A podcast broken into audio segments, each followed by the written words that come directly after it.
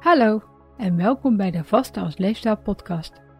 Mijn naam is Amanda Kortman, ik ben gewichtsconsulent en omdat er zoveel slechte informatie over vasten verspreid wordt, hoop ik het met deze podcast zo te verduidelijken dat voor iedereen kan werken. Je vaststel wanneer je langer dan 12 uur niks neemt wat vaste stopt, dus is makkelijker dan je denkt.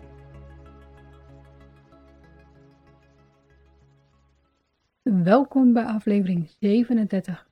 In deze aflevering bespreek ik, zoals de titel al zegt, de glycemische index. Dit wordt ook vaak uitgesproken als glycemische en als je online zoekt worden ze alle twee gebruikt. Maar aangezien glycemische in de wetenschap gebruikt wordt, houd ik die aan.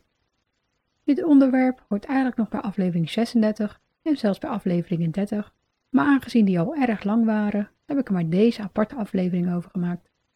Allereerst, wat is de glycemische index? De glycemische index geeft een inschatting voor de snelheid waarmee de bloedglucosespiegel, oftewel bloedsuikerspiegel, stijgt als je iets met koolhydraten hebt gegeten. Koolhydraten worden, wat ik aflevering 30 heb besproken, in ons spijsverteringskanaal afgebroken tot suikers en opgenomen in ons bloed om als energie gebruikt te worden of om opgeslagen te worden als lichaamsvet. Voeding die snel wordt afgebroken, oftewel verteerd, en waarvan de suikers snel worden opgenomen, hebben over het algemeen een hogere glycemische index. Dit noemen we ook wel snelle koolhydraten.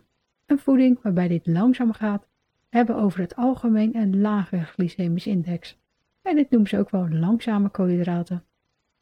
Of iets een hoge, gemiddelde of lage glycemische index heeft, wordt als volgt bepaald. Je bloedglucose wordt gemeten. Hierna neem je iets met 50 gram koolhydraten. Dan wordt je bloedglucosespiegel twee uur lang regelmatig gemeten om te kijken hoe lang het duurt voordat je lichaam dit heeft verwerkt en hoe hoog je waarden worden. Hierna wordt het nog een keer gedaan met glucose of soms witbrood en dan worden de waarden van beide tests met elkaar verrekend door de waarde van de eerste test te delen met de tweede test en ditmaal 100 te doen. Glucose heeft een glycemische index van 100 en alles boven de 70 wordt gezien als hoog, alles onder de 55 als laag en alles wat ertussen valt als gemiddeld. Naast glucose, oftewel druivensuiker, vallen ook wit, bruin en zelfs volkoren brood onder de producten met een hoge glycemische index. Maar valt roggebrood onder het gemiddelde en kunnen broden op basis van havermout of boekweit zelfs een lage glycemische index hebben. Groente en fruit vallen net als noten en pulvruchten over het algemeen onder de lage of gemiddelde glycemische index, mits er verder niks aan toegevoegd is. Zo zal fruit in blik op basis van suikerwater de glycemische index flink laten stijgen als je het suikerwater ook neemt. Hoe hoog de waarde is, hangt ook af van andere factoren. En hierbij kan je denken aan hoe je het klaarmaakt, of je het hebt verhit of rauw eet, in hoeverre fruit rijp is, wanneer je het neemt, hoe goed je koudt, hoeveel resistent zetmeel het bevat, hoe lang het duurt voordat je maag leeg is, je darmbacteriën en hoe snel je darmen werken, of je er direct naar gaat bewegen en wat je er nog meer bij eet of drinkt.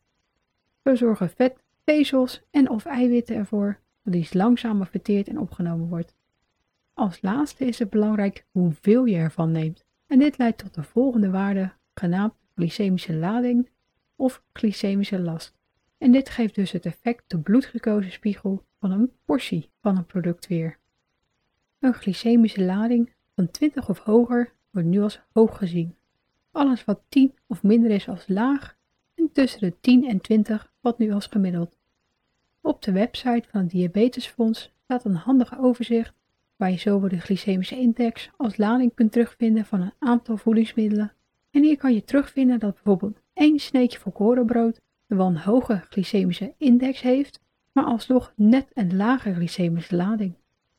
Op de Engelstalige website genaamd Glycemic Index en Glycemic Load Guide kan je er nog veel meer opzoeken, mocht dit je interesseren. Doordat verschillende onderzoeken andere waarden zorgen, zal je trouwens zien dat sommige voedingsmiddelen per website andere waarden hebben, maar daar vertel ik zo meer over. Aan de hand van de glycemische index kan je de glycemische lading ook zelf berekenen en deze berekening gaat als volgt. Je deelt de glycemische index door 100 en vermenigvuldigt dit met het aantal koolhydraten wat het per 100 gram bevat. Neem je een potje 150 gram, dan vermenigvuldig je het met anderhalf. Neem je maar 50 gram, dan halveer je het. Zo bevatten gekookte aardappelen bijvoorbeeld een hoge glycemische index van 78 en 18 gram koolhydraten per 100 gram. 78 gedeeld door 100 is 0,78. Vermenigvuldig dit met 18 en dan kom je uit op een gemiddelde glycemische lading van 14. Neem je echter 200 gram gekookte aardappelen, dan verdubbelt de glycemische lading naar 28 en is deze opeens hoog. Hetzelfde geldt voor volkorenbrood. Het heeft, zoals ik net al zei, een hoge glycemische index. Deze is 74. Maar één sneetje heeft een glycemische lading van 10 en is in die portie nog net laag. Maar één sneetje witbrood, wat een glycemische index van 75 heeft, valt met een glycemische lading van 14 onder het gemiddelde. En twee sneetjes zijn dus hoog. In kleine porties zullen de meeste voedingsmiddelen met een hoge glycemische index in theorie dus maar een klein effect op je bloedglucosespiegel hebben. En nu je dit hebt gehoord, snap je wel dat er medische en natuurlijk afvaldiëten zijn die hierop focussen. Maar, zoals gewoonlijk, is het helaas niet zo simpel en kan jouw reactie op bepaalde voedingsmiddelen makkelijk het dubbele of juist de helft minder zijn. Dit is iets wat al jaren bekend is uit onderzoeken, maar wat ik ook hoor van diabetici, die een glucosesensor, oftewel CGM, zoals de Freestyle Libre, gebruiken om zonder telkens hun bloed te moeten prikken makkelijk kunnen zien hoe hoog hun bloedglucosespiegel is. De persoonlijke waarden verschillen veel meer dan verwacht. En als je diabetes hebt, wil je deze natuurlijk zo goed mogelijk houden, om te voorkomen dat je gezondheid nog meer aantast. De hoge of juist de lage bloedglucosewaarden kunnen op lange termijn tenslotte leiden tot amputaties, blindheid, blauwvallen en vervroegde dood. De glycemische index en lading zijn oorspronkelijk bedoeld voor mensen met diabetes om ervoor te zorgen dat uw bloedglucosewaarde dus zo stabiel mogelijk blijft. Maar wat als je nou net iemand bent die bijvoorbeeld heel goed op witbrood reageert, maar juist niet op noten? Dan is het dus extra lastig om je waarde goed te houden en dat kan tot grote frustraties en gezondheidsproblemen leiden. Hiernaast leidt dit tot verschillende waarden op diverse websites. De glycemische index is tenslotte vooral een gemiddelde en zoals je ongetwijfeld weet, is bijna niemand gemiddeld. De reden waarom de glycemische index trouwens vaak bij afvaldiëten gebruikt wordt, is omdat veel voedingsmiddelen met een hoge glycemische index vaker ongezond zijn dan diegene met een lage. Maar dit geldt dus niet voor ze allemaal.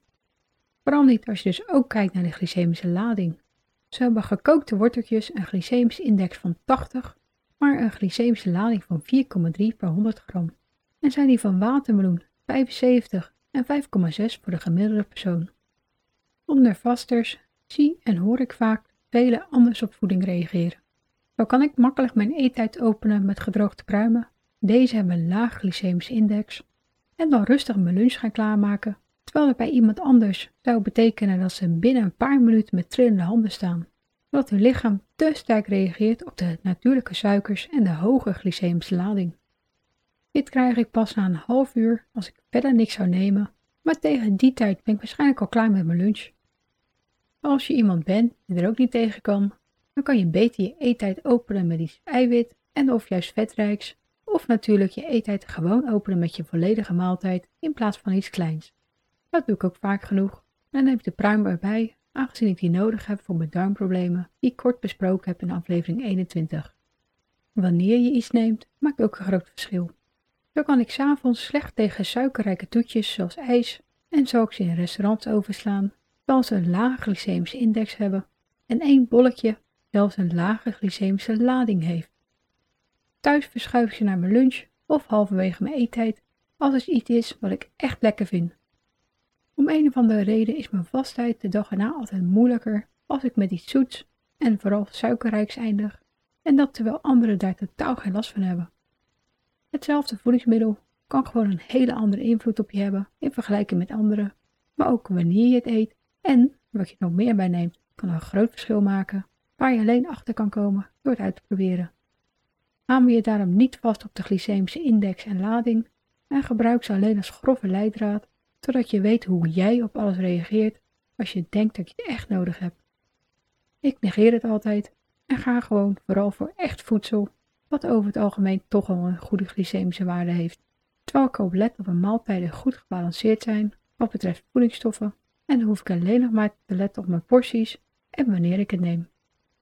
In afleveringen 30 tot en met 34 heb ik natuurlijk de voedingsstoffen besproken, dus luister die nog een keer terug als je niet meer precies weet waarom ze belangrijk zijn en wat er qua hoeveelheden wordt aangeraden.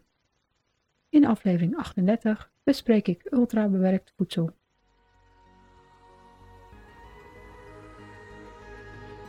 Bedankt voor het luisteren en vergeet niet dat je de onderwerpen en bronnen altijd in de omschrijving van de aflevering kunt vinden.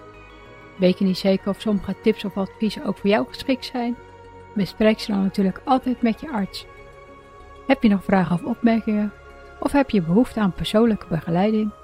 Kijk dan op valerien.nl voor meer informatie.